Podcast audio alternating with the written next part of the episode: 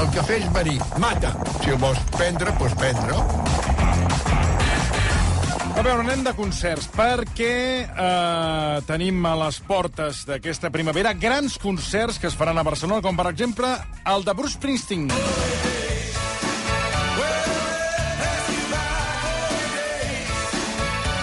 Beyoncé o Madonna.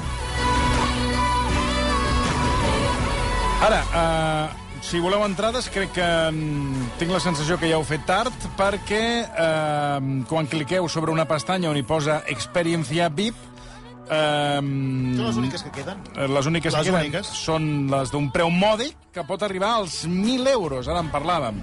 Tindreu tot un seguit de privilegis que estan eh, de privilegis amb, eh, vinculats amb l'artista en qüestió, però sí. no deixa content a tothom, com fa un moment escoltàvem amb un seguidor de, de Metallica. La gent enfadadíssima perquè hi ha un divorci entre el que són els fans i els seus, eh, clar, i els artistes, perquè tu vas a, a diguem-ne, a un concert, no queden entrades, i si vols entrar només has de fer això, que és experiència VIP, que pot arribar a valdre molts diners. Què és l'experiència VIP? Què és? Madonna és només un exemple. En aquest cas, el concert de Barcelona, que es celebrarà el dimecres 1 de novembre, inclou fins a 5 modalitats d'entrades VIP amb serveis tan peculiars com A veure, festa amb DJ privat abans d'entrar al concert, amb músiques de Madonna, Bueno, sí. estàs, estàs en, un, en un privat, Estàs al hall fas la prèvia... amb músiques de Madonna amb un DJ. Està bé. Snacks, assortiment de snacks, bueno, anava a dir gratuïts, Això- però això està bé. No, ja els has pagat, ja els has pagat, sí. Catifa vermella, que això m'ha agradat molt. Bueno, Per què la vols, Bueno, et fa il·lusió entrar com un VIP.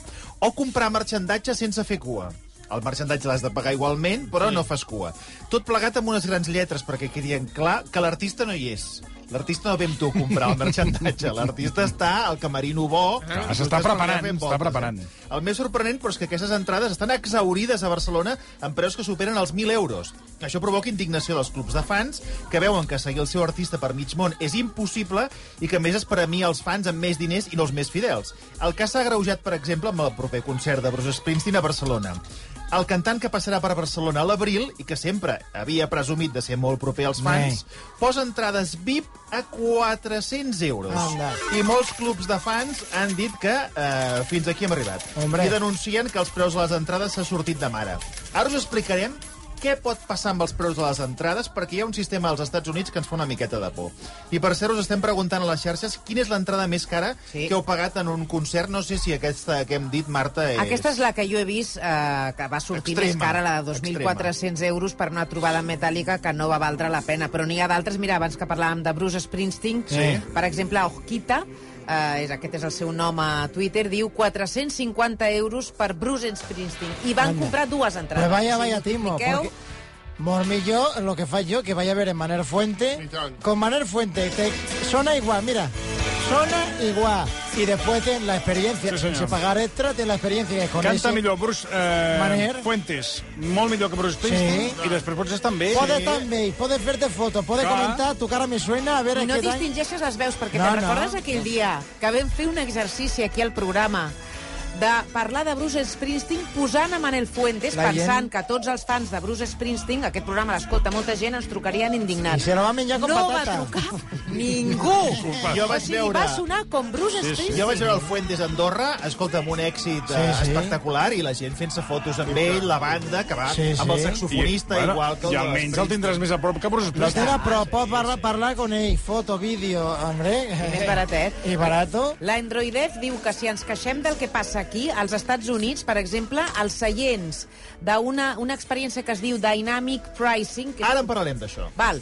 A l'última filera Ojo amb aquest tema. de, dels concerts de Beyoncé has de pagar 1.000 euros. Ah, va, Perdó, tremendo, 1.000 eh? dòlars. 1.000 dòlars als Tremendo. Estats El Units. cantant s'ha de pagar les seves drogues, les seves coses, el nas de tabic, i el, del- el de, de platino, vaja, el nas de, de platino. Pot, dir, pot deixar de dir... Bingo, s'ha de... Bueno, va, avui hem llegit un cas al Segre eh, i parla el Salvador Trapat, que és seguidor de Springsteen, responsable de la web Point Black, dedicada al cantant fa més de 40 anys seguint el bosc, i el Salvador ha dit que ja n'ha tingut prou. Que això de que hi hagin entrades de Bruce Springsteen a 400 euros I és tant, una vergonya i tant. i que els seus fans de tota la vida no se'l poden pagar. I està completament decebut amb el bosc.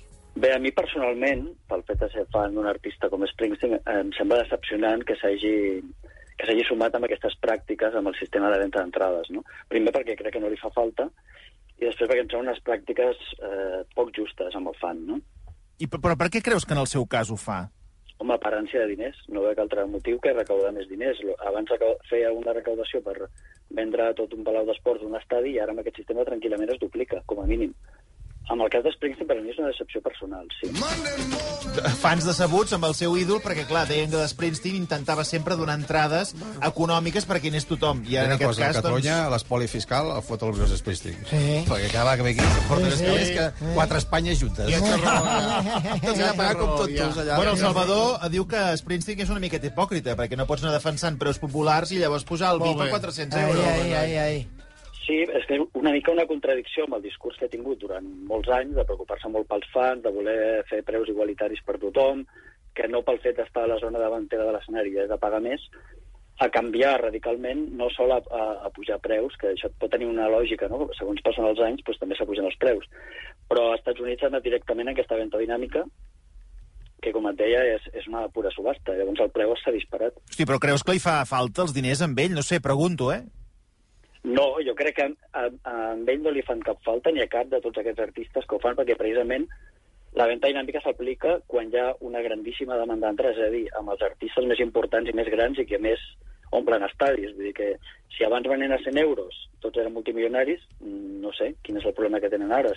No sabem quin és el problema que tenen ara, però atenció a aquest concepte que posem sobre la taula, venda dinàmica. Mm. Perquè això ens arriba d'ara. Què, què vol dir venda dinàmica i què suposarà pels que anem a buscar una entrada aquest sistema de venda que ja s'aplica als Estats Units? Atenció amb el preu de les entrades. És a dir, que tu entres a comprar entrades per un concert i l'algoritme en què està programat aquella pàgina, segons va entrant més gent i més gent està comprant, veu que hi ha molta demanda i per tant comença a pujar els preus. No sabem com està programat i què és, què és el que fa que pugi 10 euros més, o 50 o 100 de cop. Suposo que és la, la, la quantitat de gent que està intentant comprar. També s'ha dit que als Estats Units, per exemple, amb Ticketmaster, si vols accedir a, a comprar un d'aquests grans concerts, t'has de registrar prèviament i entre tota la gent que està registrat fan un sorteig i t'arriba un número que et permetrà accedir a la venda. És a dir, ja et fan el favor de permetre't que compris d'entrada. I ells també tenen una dada molt important, és quanta gent s'ha registrat, perquè si un concert de 20.000 persones s'han registrat ja 100.000, amb això ja saben quina demanda hi ha i per tant ja poden començar a posar els preus que els hi sembli oportú, sabent que segur que hi haurà 20.000 que pagaran aquests preus.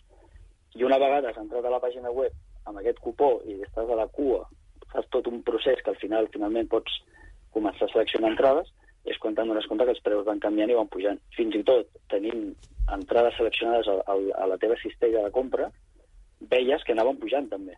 Fins que no pagues no, no quedava fix el preu, no? Jo crec que s'ha entès perfectament l'explicació del Salvador. Bueno. És com quan compres un bitllet d'avió, que quan tu el selecciones, des de que el selecciones fins que el pagues, va passant una estona i aquell bitllet si canvia Sí. de preu, doncs ho pagues més car. O com la subhasta del peix.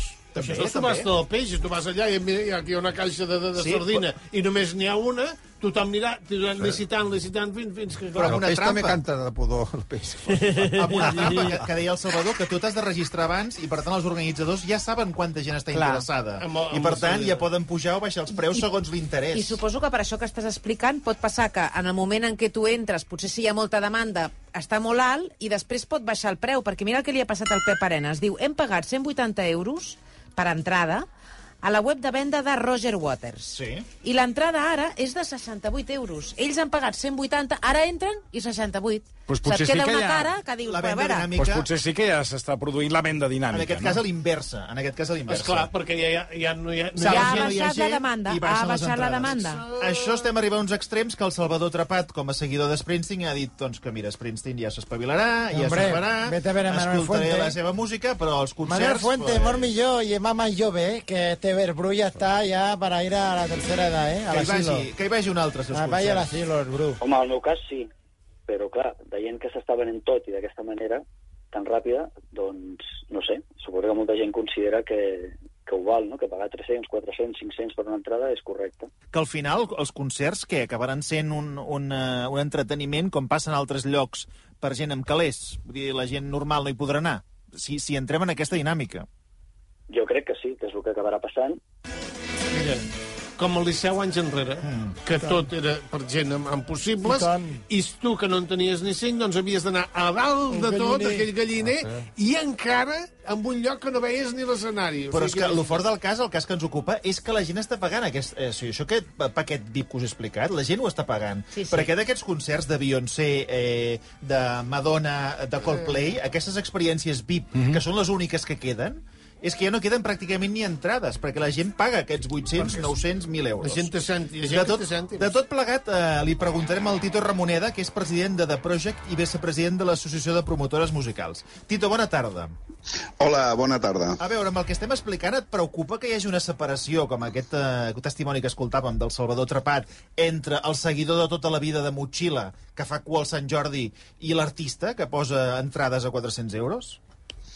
Sí, a veure, ho ha explicat, jo crec que força bé el Salvador quin, quin és el procés eh, d'aquests preus dinàmics eh, i entenc el seu cabreig i el de molts fans i més amb artistes mm, doncs, que han defensat diríem, sempre aquest... Eh, pues, bueno, eh, soc un artista de, que vull tenir la gent propera, de carrer, etc i, eh, i, per tant, vigilo els preus de les entrades. A veure, jo crec que hi ha una cosa molt important. Els promotors no som els que fixem els preus de les entrades. Qui els posa, els preus? A veure. Els posa directament l'artista. I, I quan dic l'artista, evidentment, evidentment parlo de l'entorn més proper a l'artista, de management, la gent eh, és qui marca els preus de les entrades d'un d'un concert. A veure, nosaltres, eh, doncs no sé, l'any passat vam fer la gira eh, de despedida del Serrat. El Serrat va dir, escolta, jo vull que els meus preus d'entrada no passin d'aquests 90 euros. I això fa que després els números d'aquesta gira van en base, eh, lògicament, d'aquesta recaptació. I el tema dels preus dinàmics, evidentment, ni es plantegen ni es plantegen els, les entrades VIP, ni, ni totes les experiències aquestes que parlau amb, amb, amb tanta conya, però que, bueno, que al final és això. Aquí tenim un problema evident que és eh, aquestes grans gires, perquè tam també, vull dir, ens estem fixant només amb les Madones, amb les Beyoncés, amb els Coldplays, vull dir, eh, que al final és, és un percentatge, diríem, del volum de concerts molt menors. Eh, després hi ha tota una immensa franja de concerts que estan amb uns preus eh, entenc que són humans, per dir-ho d'alguna manera. Eh, per tant, el primer, no som els promotors que fixem els preus de les entrades. Eh, segon, eh, és cert que en aquests moments el, el live entertainment, el que és la música en viu, en el món, està dominada per grans corporacions, per multinacionals, que a més a més són propietaris dels sistemes de ticketing i que, per tant, tenen aquesta capacitat, diríem, de, entre cometes, eh, manipular d'una manera especulativa eh, perquè saben que hi ha molta més demanda que no pas oferta. I això, clar que em preocupa, perquè jo com a promotor el que vull és que la gent no vagi a un concert, que pugui gastar-se 400 euros amb 10 concerts i no només amb un. I, i evidentment, hi ha un moment en què això pot patar. No està passant ara, mm, potser per la, per la fam, vull dir, després de la pandèmia, doncs, tornen les grans gires, tothom es, es, es dispara i tothom vol, vol, vol, vol viure aquests, aquests esdeveniments que, a més, són únics. Vull dir, mm -hmm. al final, eh, doncs Madonna vindrà un cop, o Coldplay vindrà un cop i potser tornarà d'aquí quatre anys o d'aquí tres. Per tant, o, o, o pagues o, o no hi ets, no? Però sí, clar, naturalment que preocupa. Ara s'està beneficiant el que més pasta té, que és la sensació que dona. Tu, tu tens més diners, no cal que corris per comprar una entrada perquè tindràs una experiència VIP que podràs comprar d'aquí 3 o 4 mesos a 1.000 euros. Aquesta sensació la teniu? Perquè els que comprem entrades sí que la teniu. Sí, i la putada, entre cometes, perdoneu l'expressió, és que hi ha gent que sí, que té aquests diners per pagar i que no l'importa i té aquesta butxaca, però hi ha gent que ho està pagant, no la té i està deixant de fer moltes altres coses, com per exemple anar a més concerts o altres coses, només perquè aquest artista eh, per ell és mm, mitja vida eh, poder-lo veure. Eh, perquè mm, això no és un, una, una, no sé, anar al cine o anar a un teatre que tens mils eh, o, o desenes de dies que puguis anar a veure aquella funció. No, allò és dia de hora, no? Vull dir, o estàs allà o no, o no estàs, no? i, i, i bueno, jo sóc conscient, de, de, de, perquè ho he viscut, de casos de, de, de, de, de, de pares o que et diuen, ostres, quina passada, tinc a la meva filla plorant perquè perquè vol anar, vol anar amb aquest concert i quina animalada, quines animalades de preu.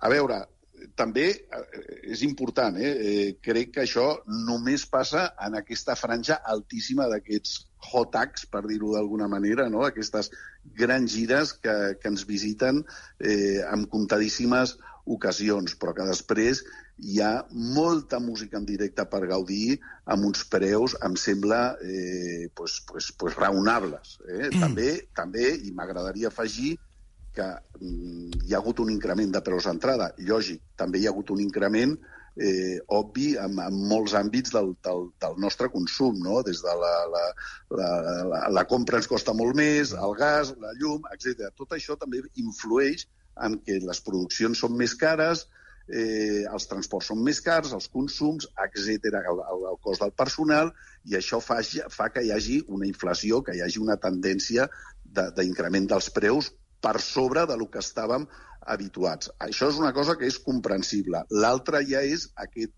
aquesta capacitat especulativa, com deia gran, abans, d'aquestes grans corporacions, en què els artistes són els primers còmplices eh, i que gràcies a que aquests, aquests mecanismes que tenen pues, eh, poden això estar especulant fins a uns límits que ratlla, en fi, eh, la, la, la, la mínima ètica. Això ho opino jo com a, com a promotor eh, des de fa molts anys en aquesta ciutat i, i, i, i, que, i que, i que m'agradaria que hi hagués un fre a tot això. Lògic. Sí, clar, o sigui, hi ha diverses barreres. Primer, eh, els preus, però després dius, val, jo vaig a pagar 400 euros, vinga. Eh, M'interessa molt i vull anar a escoltar aquest concert. Però després que no pots. Mm -hmm. És que tu vas a buscar les entrades i és que no n'hi ha. Si, si les notícies que ja, no, publiquem és allò de esgotat en un minut, mm. no? exaurit en un minut. I llavors les veus, Tito, eh, les entrades, eh, ja saps quines pàgines, havia Gogó i tot això. Escolta, els promotors Exacte, no, no, no podeu acabar amb sí. aquesta pràctica? La revenda.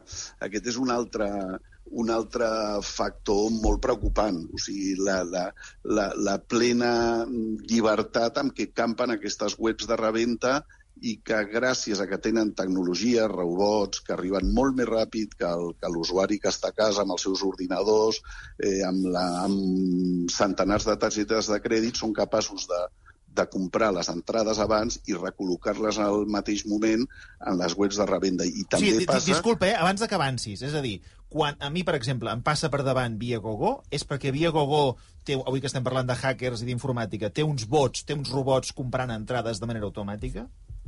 Totalment. Això és així. Sí, sí. No és el revenedor d'abans, hòstia, de fot 30 anys que, mm. que, que anava a Gran Viari Bau. Sí, home, i tant. Comprava 20 entrades i, hòstia, es feia la vida. No, no, això és un negoci multimilionari i que, i ho diré aquí, eh, el principal còmplice d'aquesta estafa són els senyors de Google.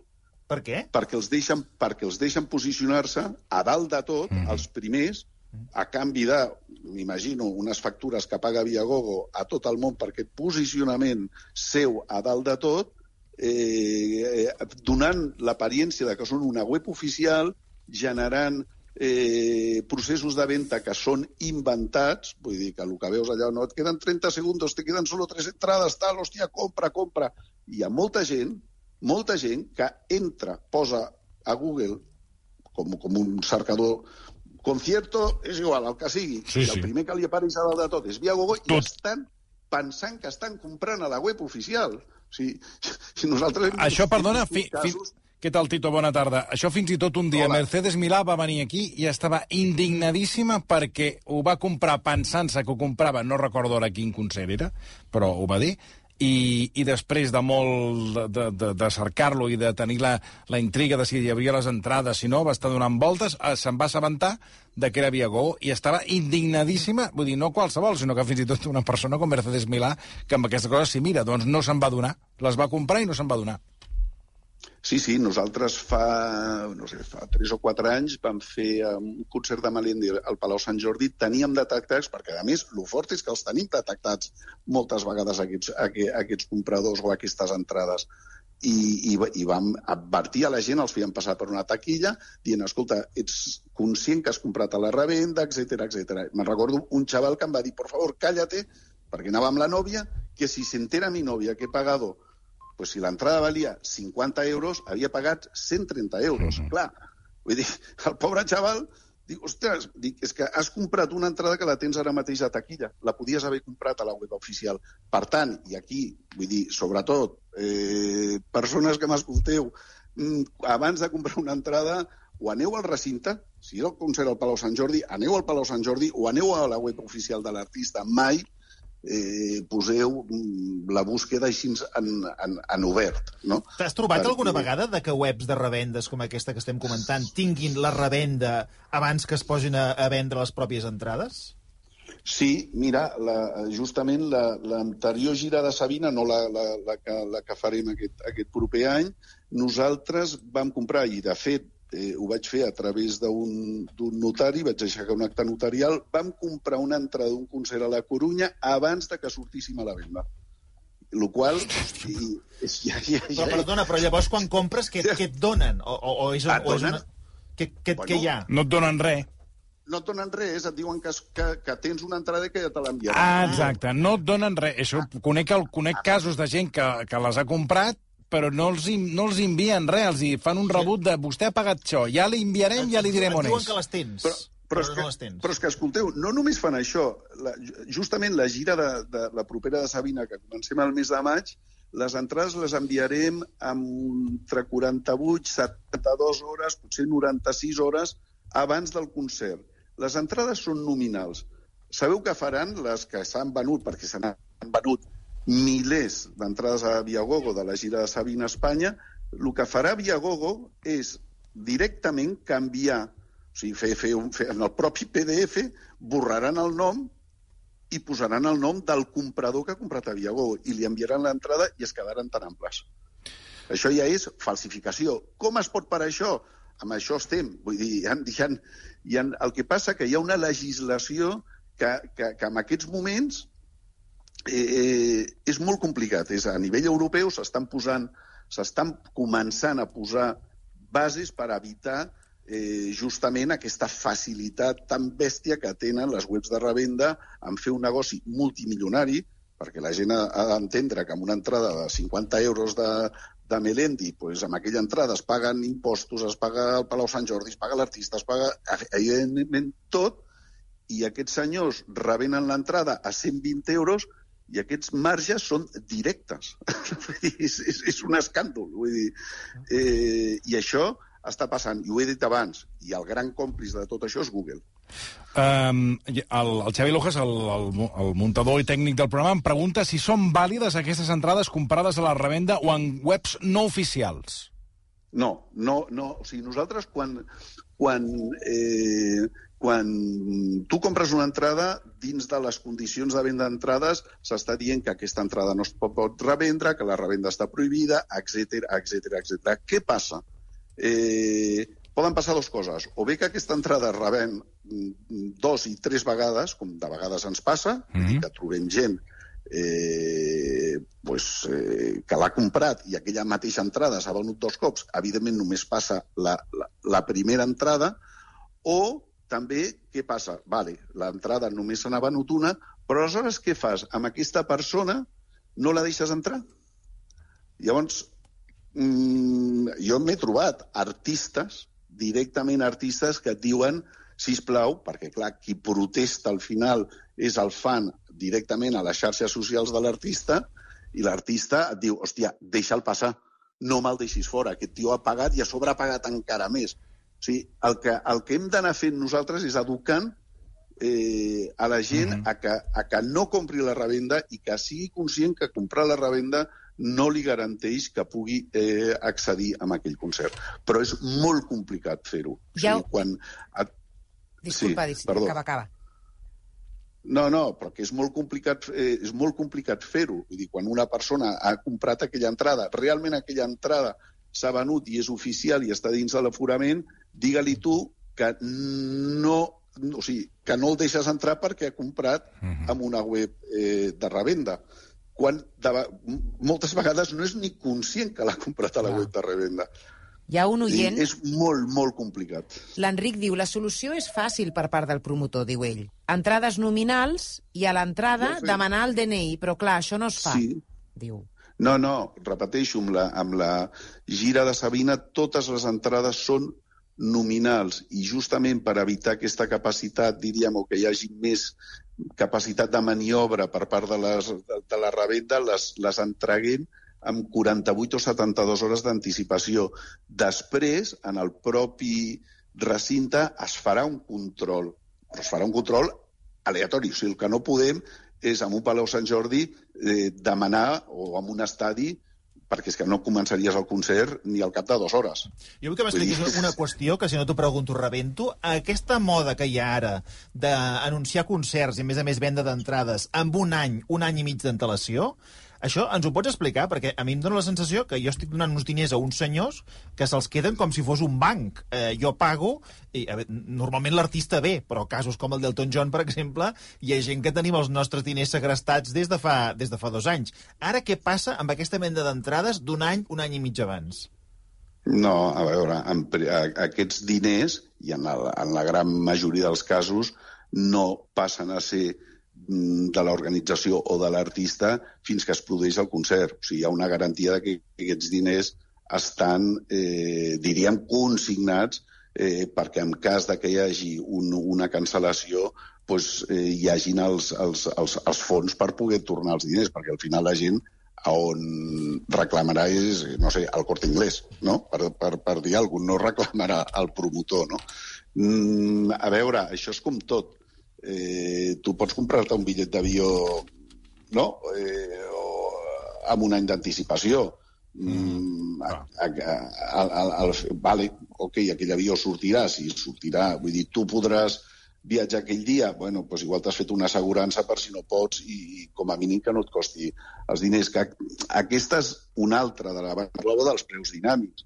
Vull dir, sí que és cert que, evidentment, amb els hotels, els, els vols, les, existeix aquest preu dinàmic. Ara, fins als límits on està arribant el, el, el live entertainment, mm, segurament no.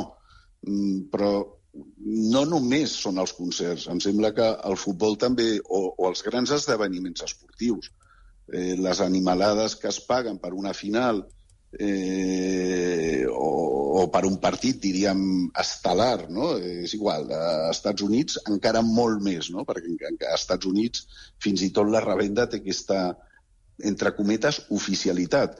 A pesar de que ara fa molt poc, i si ho busqueu, el propi Biden eh, va fer unes declaracions molt dures contra eh, aquestes, eh, diríem, aquesta actitud d'aquestes grans eh, empreses i concretament va mencionar Ticketmaster perquè justament amb el tema dels preus dinàmics i amb les comissions de distribució que als Estats Units arriben fins al 30%. O sigui que tu primer compres l'entrada aquesta VIP de 400 i després et claven 120 euros més de comissió de distribució.